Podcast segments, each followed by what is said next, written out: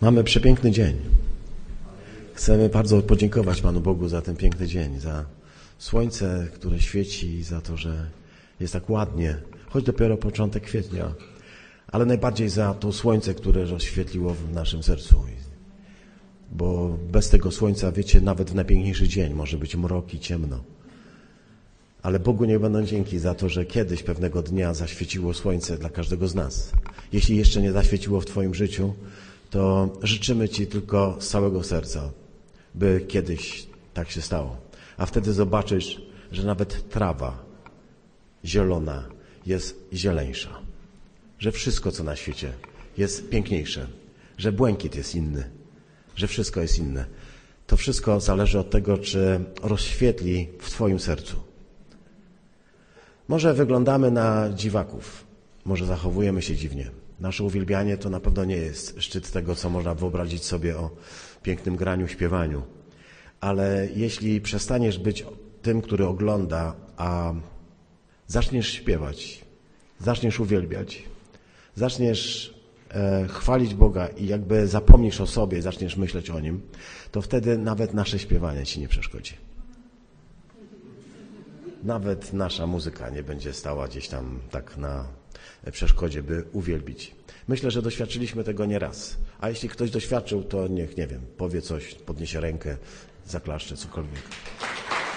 Bogu dzięki. Chciałbym Was zaprosić do e, kolejnego rozmyślania na, e, na, na podstawie tej części Księgi Proroka Izajasza, którą nazywamy e, pieśniami sługi pańskiego.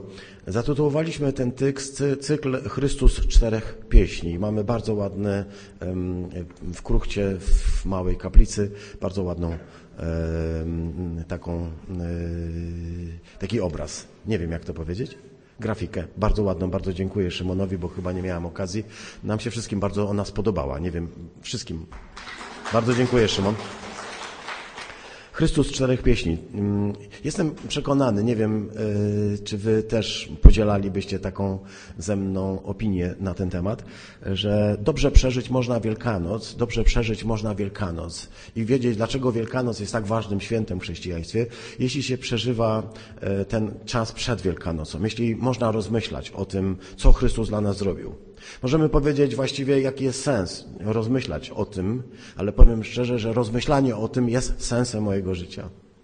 Mówiłem ostatnio o takim y, dziwnym człowieku, który się tytułuje pastorem, a który uważał, że y, święty Izajasz czy prorok Jeremiasz to są zaburzone jednostki. Muszę powiedzieć, że widziałem ostatnio coś, co mnie zupełnie zmroziło, jestem zupełnie porażony. Mianowicie jego żona publicznie podarowała Biblię na, na, na nabożeństwie. I wszyscy bardzo byli zadowoleni z tego faktu, że ona podarła Biblię na nabożeństwie, kopała ją, darła i mówiła, że to jest tylko e, litera. E, chcę powiedzieć, dziwaków nie brakuje.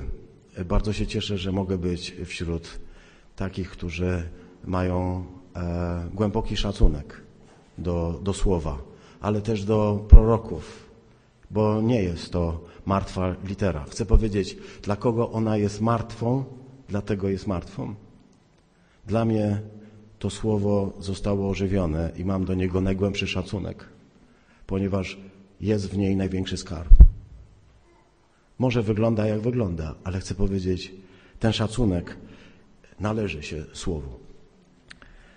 Mówię o tym, ponieważ jestem porażony tym faktem, powiem szczerze. Kiedy to oglądałem, nie mogą uwierzyć, że to się dzieje w czasie nabożeństwa. To jest po prostu taka masakra. Nie chcę nawet sugerować, gdzie to i co, jak. Nawet nie chcę mówić, że możecie to znaleźć. Ale niestety, niestety tak. W marcu tego roku nie Nergal, nie na koncercie satanistycznych grup. Co się dzieje z Kościołem? Co się dzieje z ludźmi? Tak. Mam głęboki szacunek do słowa i to słowo staje dla mnie zawsze takim e, czymś, co mnie wzrusza, co mnie dotyka, co mnie e, przemienia, ale wiem też, że nie można, niektórzy mówią tak, my nie świętujemy, e, nie mamy Wielkanocy. Dla nas każdy dzień to Wielkanoc, każdy dzień to Boże Narodzenie. To jest fantastyczne. Masz taką zdolność Pielęgnuj ją. To jest naprawdę bardzo dobra rzecz, żeby każdy dzień przeżywać jako świąteczny dzień przed Panem. Ja jestem bardziej ułomny i nie potrafię tak. Ale jeszcze powiem to, że mm, nieraz y, może dlatego nie przeżywam y, i nie doświadczam co Bóg zrobił tak naprawdę dla mnie i na czym polega Wielkanoc i na czym polega Jego zwycięstwo, ponieważ nie wchodzę w doświadczenie tego, czym y, jest cierpienie, czym jest cierpienie Chrystusa, czym jest Jego męka i Jego śmierć. Jeśli tym nie będę dotknięty i porażony, wtedy zmartwychwstanie nie będzie dla mnie miało większego znaczenia, wiesz? Jeśli będziesz wchodził coraz głębiej w doświadczenie tego, kim jest cierpiący Mesjasz, który ratuje świat nie blichtrem, stryknięciem palców albo krzykiem, ale służbą aż po krzyż, to wtedy będziesz mógł ze mną razem zawołać chwała Tobie, Panie, za wielki dzień zmartwychwstania. I tego tej radości życzę. Stąd poświęcamy ten czas, ten czas przed świętami na to, by rozmyślać nad tym doświadczeniem. Rozważaliśmy już e, dwie pieśni. Teraz jest trzecia. Trzecia pieśń e, Sługi Pana nosi tytuł Czas nauki i fragment, który jest podstawą, jest księgi proroka Izajasza z 50 rozdziału, ale zanim fragment samej pieśni, to pozwólcie, że zacznę od takiego y, zupełnie innego y, tekstu, ponieważ wierzę głęboko, że Kościół odczytując opis męki pańskiej w tych, y, w tych właśnie momentach, które czytamy w tych tekstach Księgi Proroka Izajasza, nie widzi tylko, tylko Mesjasza. Znaczy Mesjasz jest przede wszystkim, tak? Czyli Mesjasz cierpiący, który pojawia się w tych tekstach jest absolutnie podstawowy. Ale chcę powiedzieć, wbrew temu, co uczą różni ludzie, e, którzy nie, nie, nie bardzo chyba wiedzą, po co e, prorok zapisał te słowa, że my wchodząc w Chrystusa doświadczamy także ukrzyżowania swojego starego ja. I bez tego nikt nie może być sługą Chrystusa. Chcę powiedzieć tak, jak mówi Jezus. Jeśli ktoś idzie za mną, mówi Jezus, a nie niesie swojego krzyża, a nawet nie daje się ukrzyżować, nie jest moim uczniem. Czyli on, on zakłada, że można iść za nim i że można klaskać i można wołać Hosanna, można śpiewać i można naprawdę fantastycznie uwielbiać, ale to nie jest wyznacznik tego, czy jesteś uczniem Chrystusa Jezusa. Ponieważ to, czy jesteś uczniem Jezusa Chrystusa, o tym świadczy to, czy niesiesz swój krzyż. Czy dajesz ukrzyżować swojego starego człowieka? Bo jeśli nie, to chcę powiedzieć, jesteś fanem jesteś kimś, kto naprawdę bardzo jest zadowolony i bardzo mu się podoba Chrystus Jezus, ale On nie po to przyszedł, abyśmy Mu tylko śpiewali, abyśmy do Niego wznosili ręce. On przyszedł po to, aby nas uratować z naszego najgłębszego y, jakby nieszczęścia, z największego y, ciężaru, z naszej ciemności. A żeby to zrobić, mówi, nie ma innego sposobu, jak pójść z Nim na krzyż. I to jest zapomniana część e, e, historii Kościoła, to jest zapomniana część teologii Kościoła. Jeśli tylko mm, myślimy, że mm, to jest e, wyłącznie śpiewanie, granie i, i, i, i taniec i alleluja, to zapominamy o tym, że Jezus właśnie tak powiedział. Kto chce iść za mną, kto chce być moim uczniem, niech idzie za mną, niech weźmie swój krzyż i niech da się ukrzyżować. I to jest doświadczenie, które y, musi być mocno w nas y, wniknięte, by zrozumieć to, co się dzieje. Mnie, mnie zawsze mm, zaskakiwał taki tekst y, i, i, i, i zaskakuje i wciąż proszę Pana o, o to, żeby był mm, dla mnie łaskawy, gdy czytam to z Ewangelii Mateusza, że Jezus mówi, nie każdy, kto mówi do mnie, Panie, Panie, wejdzie do Królestwa Bożego. Nie każdy, kto mówi, do mnie, Panie, co ja im powiem wtedy, mówi Jezus. Powiem im jedno zdanie. Nie znam Cię. Nie wiem, kim jesteś. Panie, ale przecież ja Ciebie znam. Ty mnie znasz. Ja Ciebie nie znam. Rozumiesz? Ludzie mogą mówić, Jezus, Jezus, mogą mówić, taki jest, taki jest, taki jest. Chodzę do kościoła, różne rzeczy robię. Myślę, myślę, że to chyba wystarczy. Nie. Nie wystarczy, że ty wiesz, kim jest On. Najważniejsze, żeby On wiedział, kim ty jesteś. Żeby On ciebie znał. Bo to nie od tego będziesz zbawiony, jeśli ty będziesz mówił, kim On jest. Będziesz zbawiony, jeśli On będzie wiedział, kim ty jesteś. A żeby wiedział, kim jesteś, Musisz z Nim przebywać. Musisz z Nim przebywać. Musisz z Nim być, słuchać, rozmawiać. Musisz mówić, Panie, czy mnie znasz? Chcę Cię poznać, ale chcę, abyś Ty mnie poznał. Wiecie, to jest mocne, ponieważ to nie jest takie proste, że tylko powiesz jakieś słowo, jakieś zaklęcie, jakąś modlitwę zmówisz, rachciach i jest, tak? To jest prawdziwe życie, które oznacza, że wchodzę głębiej. Taki tekst, który, którym zacznę dzisiaj, jest e, tekstem pochodzącym z Ewangelii Jana. Czy widzicie wyraźnie te teksty, czy trzeba coś zmienić w tle? Widać, okej. Okay. Czytamy w Ewangelii Jana w siódmym rozdziale no, o tym, jak Jezus, mm, zaczyna się ten rozdział o, o tym, jak Jezus w pewnym momencie y, został zagadnięty przez swoich braci, tak jest napisane w pierwszym rozdziale, jest napisane, w pierwszym wierszu jest napisane, że jego bracia, którzy nie wierzyli w Niego, trochę sobie szydzili, mówiąc idź tam do Jerozolimy, niech cię wszyscy poznają, skoro jesteś taka ważna persona, to idź tam. On mówi, jeszcze nie przyszedł mój czas. Ale w pewnym momencie mm, nie tylko y, bracia szemrali, także inni. Tu zaczyna się ten jedenasty wiersz od takiego y, zdania.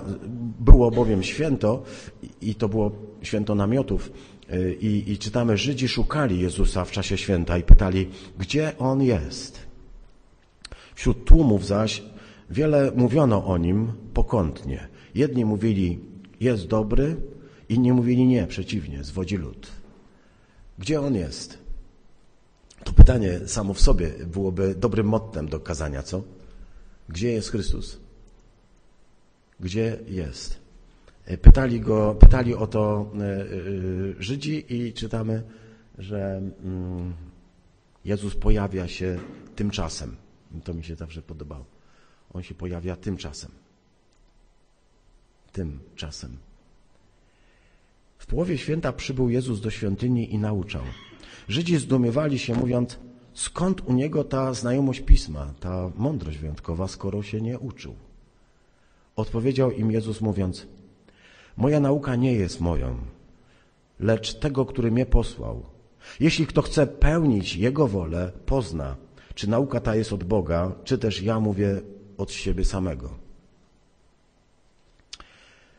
W połowie święta się pojawia i y, to bywa tak, że to także e, wśród nas może się pojawiać w połowie święta.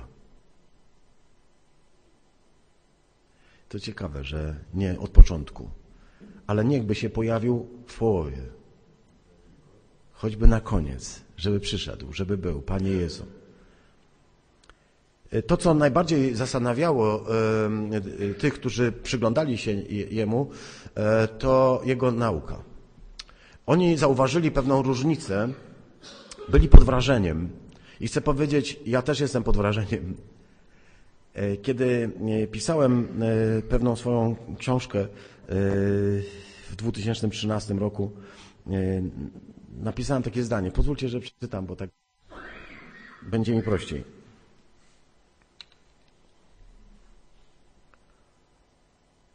U podstaw ewangelicznych przypowieści stoi postać Chrystusa Jezusa, uważnego obserwatora życia codziennego, który po mistrzowsku wykorzystał możliwości przekazu, jaki dawały przypowieści. Swoje nauczanie zawarł w prostych ilustracjach, w prostych obrazach, w mniejszym stopniu posługując się abstrakcyjnym wykładem. Te przypowieści stały się znakiem rozpoznawczym Jezusa Chrystusa. I Jezus okazał się absolutnym mistrzem przypowieści. Mistrzem przypowieści. Kiedy zaczął uczyć, e, frapował. Powodował, że ludzie zastanawiali się i chcę powiedzieć, że do dzisiaj nikt nie potrafi tak angażować wyobraźni jak Chrystus Jezus. Wiem to, bo e, doświadczam, e, wiem, bo mówię, wiem, bo głoszę. Wiem, jak trudno jest, by, Chrystus, by Chrystusowi w czymkolwiek dorównać po mistrzowsku. On powiedział jedno zdanie, ja potrzebuję mówić wykład. On powiedział jedno słowo, ja muszę powiedzieć tysiąc, by wyrazić to, czego i tak nie wyrażę, bo, bo nie potrafię. Gdy czytam ten tekst o tym, że Jezus staje się zaskoczeniem dla ludzi, to chcę powiedzieć, że stawał się i, i wciąż jest taki zaskakujący. Zaskakujący, ponieważ tutaj oni to wyrazili tak. Skąd u niego ta mądrość, ta znajomość pisma? Skąd u niego ta biegłość w tych wszystkich pismach, w tych wszystkich tekstach? Skąd u niego, skoro się nie uczył? Nie skończył żadnej szkoły. Wiemy na pewno, nie był u, u, żadnego nauczyciela. Skąd wiemy? Y, jest taki mm, tekst, który znajdujemy, y, wrócimy jeszcze do tego, w Ewangelii Świętego Marka, y, w szóstym rozdziale, bo przyszedł do swoich, przyszedł do Nazaretu, tam gdzie się wychował. Następnego dnia odszedł stamtąd i udał się do swojego rodzinnego miasta, a jego uczniowie szli za nim. I w szabat zaczął nauczać w synagodze. I kiedy tak nauczał, nauczał, kiedy mówił, kiedy głosił, kiedy stał pośrodku nich, tak jak zawsze, tak? Oni go znali, znali go od dziecka. On miał teraz 30 lat, ale oni przez te 30 lat mieli okazję go poznać. Nie wzbudzał ich zainteresowania, nie wyglądał specjalnie jakoś inaczej. Nie byli pod wrażeniem już wcześniej jego słów. Wiemy to, bo ten tekst mówi tak. Wielu słuchających było oszołomionych, zdziwionych, zaskoczonych, zdumionych i mówili, skąd on to ma? Skąd u niego ta mądrość? Przecież wiemy, kim jest. Przecież wiemy, że jest tym y, Jezusem. Tutaj jego ojciec, tu jego matka, tu jego bracia, tu jego siostry. Skąd on to ma? I to, ta tajemnica, skąd on to ma, jest y, tajemnicą, która nas dzisiaj niech zainteresuje. Bo czytamy właśnie to y, w Ewangelii Jana. Niektórzy Chcieli go uwięzić, czytamy, lecz nikt nie odważył się go pojmać. Tymczasem słudzy powrócili do wyższych kapłanów i faryzeuszy, a ci zapytali ich, dlaczego nie przywiedliście go tutaj? A oni odpowiedzieli coś, co ja chcę potwierdzić i powiedzieć, że taka jest prawda. Nikt nigdy, żaden człowiek nie przemawiał tak jak on. Nikt nigdy, żaden człowiek nie przemawiał tak jak Jezus brakuje żaden. Nikt nigdy, żaden człowiek nie przemawiał tak jak on. Nie wiem, czy ktoś może to potwierdzić z Was?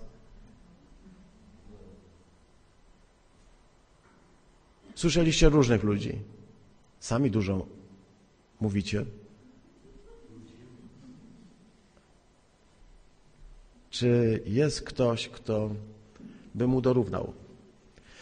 To, co mówi Jezus i jak nauczał, w jaki sposób uczył, było zupełnie inne.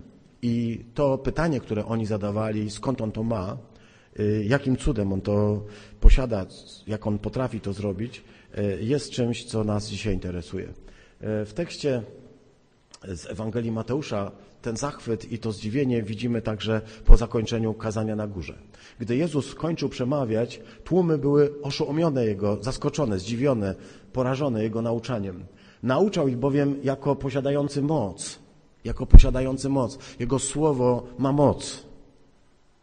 Ta moc nie wyraża się tylko w ten sposób, że On uzdrawia, bo On właśnie przed chwilką opowiedział kazanie na górze, przedstawił swój manifest, powiedział swoją konstytucję, nie uzdrawiał nikogo, nie wskrzeszał umarłych, ale to słowo, które mówiło, mówił, stało się słowem, które przemieniało, które poruszało, które powodowało, że to nie było takie zwyczajne, ja wam powiadam, ale to było takie słowo, które powodowało zmianę serca. I to jest fenomenalne w Jezusie, ponieważ On wciąż w taki sposób przemawia, jeśli tylko chcesz to usłyszeć. On nie chce, żebyś był tylko fanem, który słucha. On chce, abyś był człowiekiem, który usłyszy, co mówi i aby przejął się tym, by mógł dać się poznać. To jest najważniejsze. Byś mógł dać się mu poznać. Byś stanął przed nim i powiedział, Panie, poznaj mnie, zobacz, jaki jestem. Zbadaj mnie, sprawdź. Jeśli uciekasz ciągle od tego, jeśli myślisz, że tu chodzi o to, do jakiego kościoła chodzisz, jak prowadzisz uwielbianie, w jaki sposób się modlisz, to się mylisz. Chodzi o to, by stanąć przed Bogiem i powiedzieć, oto jestem, Panie. Zbadaj mnie i sprawdź. Bo nie chcę usłyszeć słowa, które będzie najtragiczniejsze we wszechświecie. Nie znam Cię. Poznaj mnie. Trzecia pieśń zaczyna się od słowa Adonai, mój Panie. Tak tłumaczymy słowo Adonai. A potem jest święte imię Boże, zapisane tetragramem, czterema literami JHWH, a więc podwójnie się przedstawia. Mój Pan, mój Panie, ten, który jest. To mój Pan dał mi język tych, którzy zostali pouczeni, bym umiał słowem pokrzepić strudzonego. Co rano budzi moje ucho, abym słuchał, jak słuchają uczniowie. Pan otworzył moje uszy, a ja się nie wzbraniałem, ani się nie wycofałem. Podałem moje plecy bijącym, a policzki szarpiącym brodę. Nie zakryłem swojego oblicza przed zniewagami i przed opluciem. Adonai, Pan, On mnie wspiera, nie, zła, nie złamie mnie zniewaga. Dlatego też uczyniłem swoją twarz jak skrzemienia. I wiem, że się nie zawstydzę. Blisko jest mój obrońca. Kto chce ze mną prowadzić spór? Stańmy razem. Kto chce ze mną oskarżać? Niech podejdzie. Adonai, mój Pan, On mnie wspiera. Któż mnie potępi? Oni wszyscy są jak szata, która zniszczy i jak mole. Mole ich zjedzą. Amen. Dziękuję Ci, Panie, za Twoje słowo i dziękuję Ci za to, że posyłasz je do naszych serc, abyśmy mogli usłyszeć, co mówisz do Kościoła, ale także co mówisz do mojego serca. Proszę Cię, Panie, przemawiaj dzisiaj. Mów i poruszaj, abym mógł mieć najgłębszy szacunek do tego, co Ty chcesz zrobić dzisiaj pośrodku nas. Amen. Druga pieśń, kiedy ją czytaliśmy, mówiła o e, wspaniałych perspektywach dla sługi pańskiego. Było napisane tak. E, słuchajcie wyspy i wy krańce świata i wy Fromborku, usłyszcie, co mówi Pan. I to była wielka proklamacja i wspaniałe słowo, które naprawdę pobudza, bo pokazuje, że Bóg przemawia nie tylko do swojego ludu izraelskiego, ale także zapowiada, że będzie mówił do narodów, że dotrze także ze światłem na krańce świata. To, była, to było słowo, które się wypełniło tutaj, we Fromborku. Dziękuję za to proroctwo z 90 roku, którym było i o tym mowa, że i tutaj Bóg zbuduje swoje królowanie i, swoje, i swój kościół tu założy. Jestem pod wrażeniem tego. Kiedy czytam tę drugą pieśń, to widzę, że Bóg przekracza granice i porusza tego sługę pańskiego, by poszedł i stał się światłością dla wszystkich pogan. Może y, tak właśnie usłyszałeś, takie właśnie wezwanie. Kiedy Bóg powiedział do ciebie, że chce uczynić z ciebie swojego sługę. Ponieważ On nie chce, żebyś chodził do kościoła, On chce, żebyś był kościołem, żebyś był Jego sługą. Jemu zależy na tym, byś stał się także jak On, światełkiem tam, dokąd idziesz. Mówiliśmy o tym tydzień temu. A trzecia pieśń idzie w zupełnie innym kierunku. Jest to pieśń, której możemy zobaczyć człowieka zmęczonego, człowieka, który uczy się, człowieka, który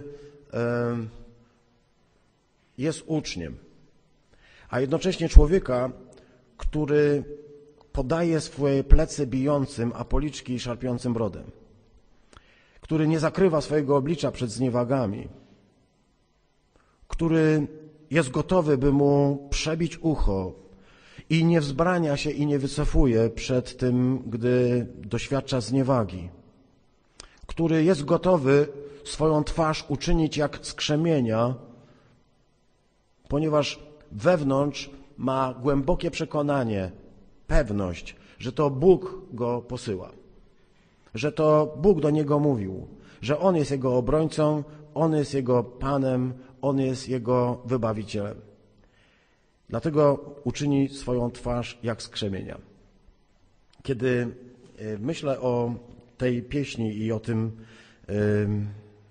co tutaj czytam, widzę taki inny rodzaj e, sługi pańskiego, nie takiego, który będzie e, manifestował wspaniałe, cudowne rzeczy, ale taki, w którym będą manifestowały się najcudowniejsze rzeczy w nim, polega to na tym, że nie załamie się. Y, wiesz, może być tak, że marzymy o tym, byśmy mogli y, czynić wspaniałe rzeczy dla Boga. Marzymy o tym, żebyśmy modlili się o chorych, a byli uzdrowiani. To Bóg nam daje. Żebyśmy modlili się o potrzebujących, a oni, aby otrzymywali, co potrzebują. Żebyśmy mogli się modlić i oglądać na własne oczy zwycięstwo. Ale wszyscy dobrze wiemy, że największe zwycięstwo nie dzieje się na zewnątrz, tylko dzieje się wewnątrz.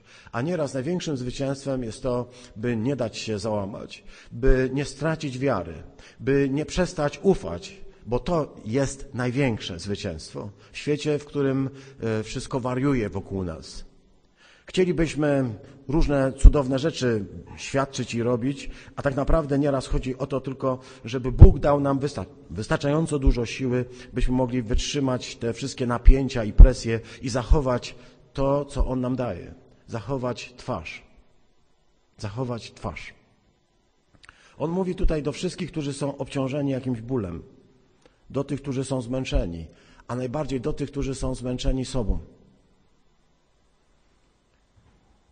I zaczyna od takiego zdania, które mówi: Pan dał mi język. Dał mi język tych, którzy zostali pouczeni. Y, tutaj istnieje taka możliwość, żebyśmy odczytali ten tekst y, dwojako. To znaczy, żebyśmy zobaczyli tutaj ucznia i nauczyciela w jednym. Bo raz czytamy, że to jest język ucznia, a z drugiej strony język uczonego. Bo zobaczcie swoje przekłady, sprawdźcie ten tekst, zobaczcie, jak on bardzo jest różny. Może być właśnie tak, że to jest język ucznia. Bóg dał mi język ucznia, albo Bóg dał mi język uczonego. Nie wiadomo dokładnie, jak należy ten tekst przetłumaczyć, a myślę, że najprościej właśnie tak. Język tych, którzy zostali pouczeni, czyli dał mi Pan język, ponieważ byłem w Jego szkole, jestem uczniem, i język, który otrzymałem od niego, jest językiem ucznia, który został pouczony i teraz może innych uczyć. Tak należy to wyjaśnić. A więc z jednej strony jest to język człowieka, który się uczy, a z drugiej strony język człowieka, który może nauczać. Pamiętacie to pytanie, które zadawali ludzie Jezusowi i o Jezusie? Skąd on to ma? Skąd ma tę mądrość? Skąd ma tę znajomość pisma, skoro się nie uczył? Skoro nie kończył żadnej rabinicznej szkoły, skoro nie chodził do żadnego wybitnego rabina? Skąd on to ma? Oni to wiedzieli. Wiesz, jak się tę mądrość y, zyskuje? Przez bezpośredni kontakt ze Słowem. Przez to, że sam Bóg przez swoje słowo uczy. Nie wierzę w to, że e, Biblia jest martwą literą. Dla kogo jest martwą, jest martwa. Dla mnie wszystko to, co czytam, jest, eksploduje e, taką żywotną siłą. Jest w niej, e, w, tym, w tych słowach tyle mocy, która potrafi przemieniać życie, że nie jestem w stanie tego pomieścić. Tyle rzeczy, które Bóg mówi, kiedy czytam. Tyle rzeczy, których Bóg reaguje, gdy na to patrzę. Nie wiem, jak można powiedzieć, że to jest martwe. Bóg mówi niesamowite rzeczy przez każdą literę, przez każdą kropkę. Właśnie tak uczył się Chrystus. Tak uczył się Boga, tak uczył się Słowa, tak uczył się Ojca i tak uczył się mówić. I to spowodowało, że ludzie patrzyli na Niego i mówili, wow, skąd On to ma? Jak to jest, że to słowo, które on mówi, nie jest takim zwykłym słowem, które może powiedzieć każdy uczony w piśmie, że może powiedzieć każdy człowiek, który tutaj staje, ale to jest słowo, które przemienia, które burzy, które kruszy, które buduje, które sadzi, które wyrywa. To jest takie słowo, które ma moc. Dzisiaj, siostry, bracia, to słowo wciąż jest żywe i ciągle tak aktywne. Jest to słowo tego, który dał się pouczyć. Żeby to słowo mogło mieć taką wartość, trzeba dać się pouczyć. Jeśli wszystko wiesz, jeśli wszystko wiesz o Biblii, jeśli wszystko wiesz o Bogu, jest, masz uszy zatkane. Wiesz, do wiadra wody, do wiadra z wodą, jeśli jest wypełnione po brzegi, nie możesz dolać więcej. Jeśli ono jest brudne, jeśli ono jest obrzydliwe, jeśli to, co ma, zawiera w środku, jest nieczyste, to jeśli wlejesz tam y, szklankę czy dwie szklanki wody, nie będziesz mógł się dalej z tego napić. Żeby stała się dla ciebie nowa rzecz, musisz wylać to, co jest. Musisz oczyścić to naczynie. A potem możesz wlać źródlaną wodę i pić prosto z wiadra. Nie uda ci się do swojej mądrości, którą masz, dodać jeszcze szklanki Bożej mądrości i liczyć na to, że ty i Pan Bóg jakoś razem coś tutaj wymyślimy. Nie. Musisz zgodzić się na to, by Pan oczyścił Twoje myśli, Twoje serce, by wylać całą tę swoją mądrość, te wszystkie swoje sposoby na życie, te wszystkie swoje pomysły, jak zrobić, żeby było lepiej, żebyś to wszystko usunął, żebyś stanął jak Chrystus i powiedział: Panie, jestem. Uczyń mnie, wlej we mnie, spraw, bym był wypełniony Tobą. To jest jedyny sposób. Dlatego jego nauczanie różniło się od nauczania wszystkich uczonych w piśmie, bo ci dodawali jedno do drugiego. I to, co wiedzą, i to, co myślą, i to, co inni powiedzieli, i robili taką egzegezę różnych rzeczy. To, czym się Jezus różni od nich, to to, że to, Jezus, że to Ojciec sam go poucza. Chcesz, um, chcesz właśnie tak, to musisz z Nim przebywać. Ale z otwartymi uszami. On powiedział, z otwartymi uszami. Musisz przebywać z otwartymi uszami.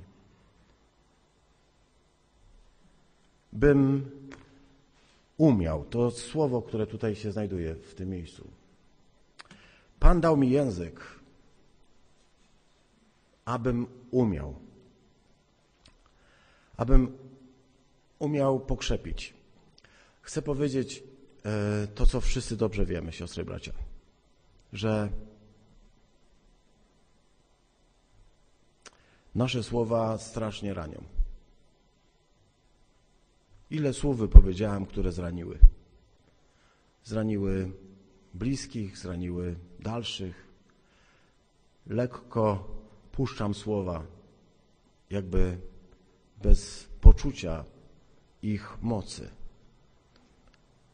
A Pan, czytamy, Chrystusowi daje język zdolny, by umiał pokrzepić słowem. Zastanów się chwilkę nad tym. Czym się różni Chrystus ode mnie, od nas, od wszystkich ludzi? Tym, że gdy przychodzi, umie pokrzepić. Gdy pamiętacie tę y, niewiastę, która była oskarżona o cudzołóstwo, która była potraktowana jako cudzołożnica, bo zgrzeszyła, wszyscy doskonale wiedzieli, co z nią zrobić.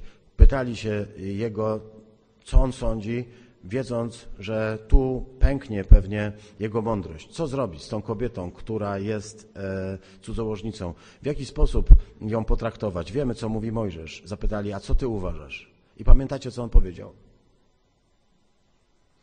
Powiedział proste słowo, które jest dobrze znane.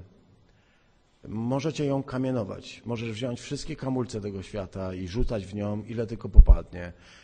Ale najpierw zadaj sobie pytanie, czy jesteś bez grzechu. Jeśli jesteś bez grzechu, jeśli nigdy nie popełniłeś żadnego grzechu, żadnego wykroczenia, jeśli nigdy nie złamałeś prawa, jeśli nigdy tego nie zrobiłeś, możesz rzucać. A pamiętacie, co jej powiedział? Powiedział jej tak: Nikt cię nie potępił? Nikt cię nie potępił? Ja ciebie nie potępiam. Idź, nie grzesz. Nie potępiam cię. To jest język, który umie pokrzepić człowieka, który jest strudzony, może własną grzesznością, może załamanym. Wiesz, strudzony może być bardzo różnie odczytane, tak? Jezus potrafił powiedzieć takie słowa osobie, która znalazła się w kryzysie, w najgłębszym mm, dołku i z myślą, że za chwilkę umrze. Nie chcę psychologizować. Możecie sobie wyobrazić, jak się może czuć człowiek, który wie, że za chwilkę będzie ukamienowany, wywleczony na, za, za miasto i będzie ukamienowany. Ona wiedziała, że to ją spotka. Przychodzi Chrystus, który jest zupełnie inny.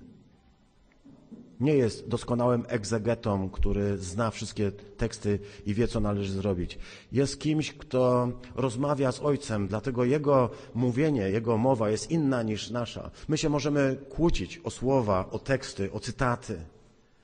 On tego nie będzie robił, bo on wie, że to, co otrzymał od Ojca, służy temu, by pokrzepiać, by pomagać, by dawać nadzieję, by silić, posilać człowieka znajdującego się w najtrudniejszej sytuacji.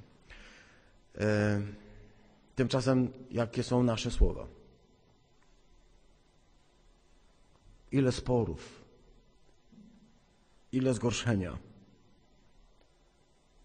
Jesteśmy ludźmi, którzy słowami nie krzepią, którzy nie starają się podnieść kogoś na duchu.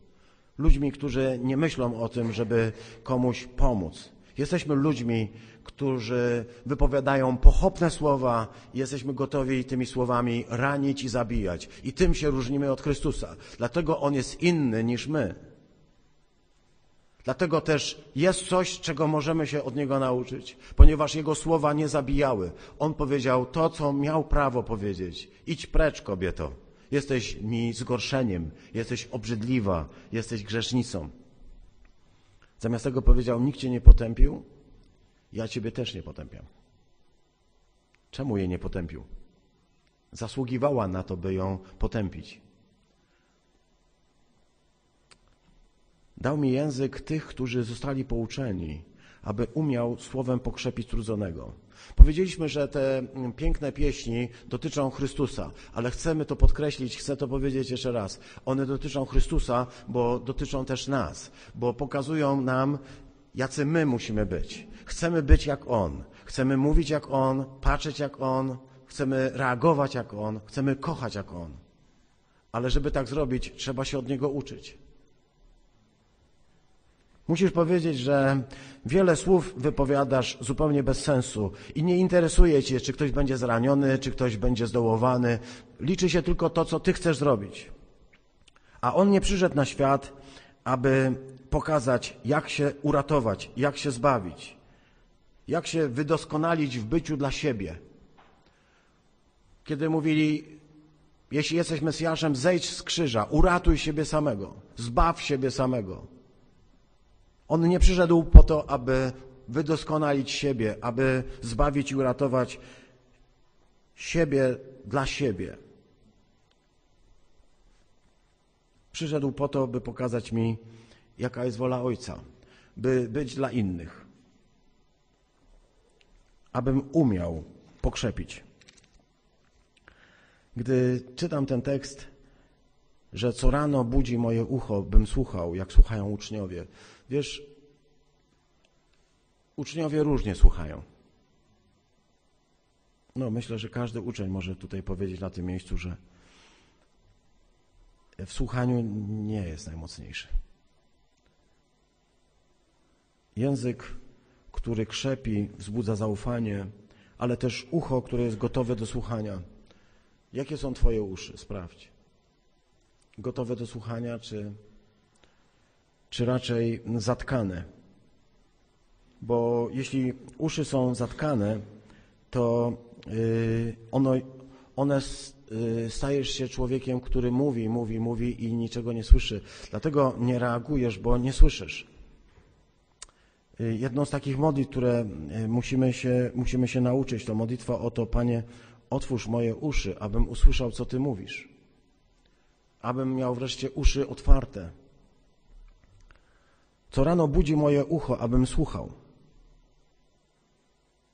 Panie, otwórz moje ucho, abym słuchał, bo bez tego e, nie, nie, nie mogę być oczyszczony i nie mogę być jak Ty. A ja nie chcę pozostać taki, jaki jestem, bo taki, jaki jestem, ja się sobie nie podobam. Nie mówię tak, jakbym chciał mówić. Nie pokrzepiam, jakbym chciał pokrzepiać. Nie potrafię być taki jak Ty, Panie. Dlaczego? Może dlatego, że nie słucham. Pan otworzył mi uszy, a ja się nie zbraniałem. Zobacz. Ja się nie zbraniałem, kiedy otwierał mi uszy. Ani się nie wzdrygałem, ani się nie wycofałem, ani się nie zbuntowałem. Co to znaczy? To znaczy, że to musi być jakieś bolesne, tak? To jest bolesne, kiedy Bóg otwiera moje uszy i kiedy zaczynam słyszeć krzyk ludzi, którzy są potrzebujący, wołanie ludzi, którzy są w trudnej sytuacji, kiedy nagle okazuje się, że wiesz, żyłem do tej pory z takimi zatkanymi uszami i słyszałem tylko swoje myśli i tylko siebie samego. Kiedy Bóg otwiera moje uszy, nagle zaczynam słyszeć ludzi, którzy są w potrzebie. I to jest bolesne. Przestaję być w centrum. Ale dalej dzieje się coś jeszcze dziwniejszego. Staję przed Bogiem i przed ludźmi z odsłoniętą twarzą. Panie, podałem swoje e, plecy bijącym, a policzki szarpiącym brodę. Wiemy, że to o Chrystusie. Nie zakrywałem e, swojego oblicza przed zniewagami i przed opluciem. E, wiemy, że to o Chrystusie. Dlaczego? Bo mnie wspiera. Mogę wytrwać te wszystkie rzeczy, te najtrudniejsze rzeczy, te doświadczenia, to bycie opluciem i te zniewagi, stać przed Bogiem i przed ludźmi z odsłoniętą twarzą, nie ukrywać jej, nie udawać kogoś.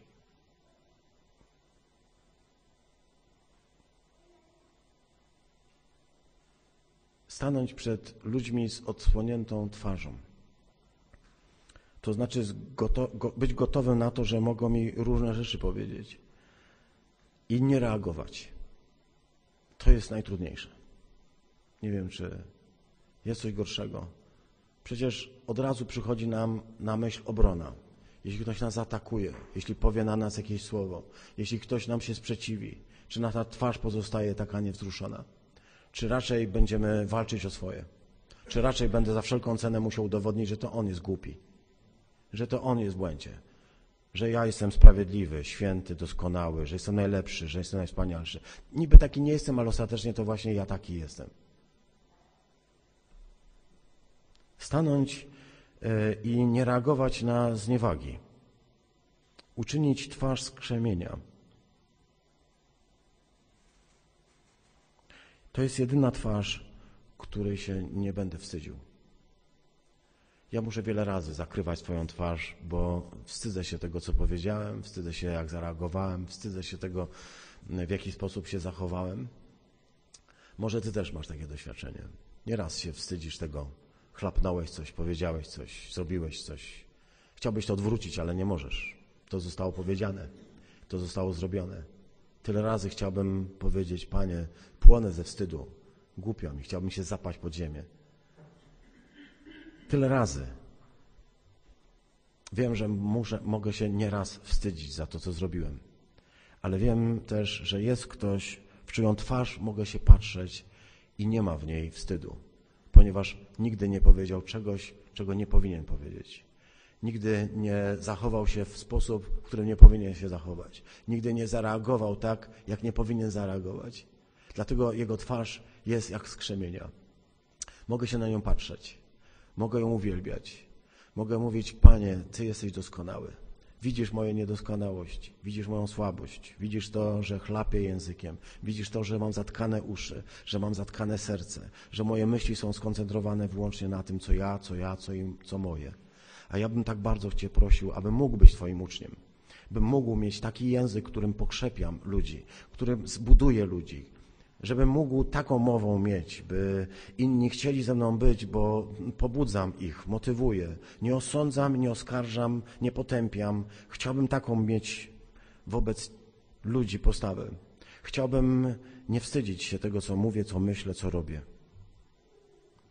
A do tego czasu, Panie, chcę się wpatrywać w Twoją twarz. Może gdy będę się w nią wpatrywał, może gdy będę ją poznawał coraz lepiej i lepiej, może wtedy może wtedy, Panie, wreszcie będę mógł być jak Ty.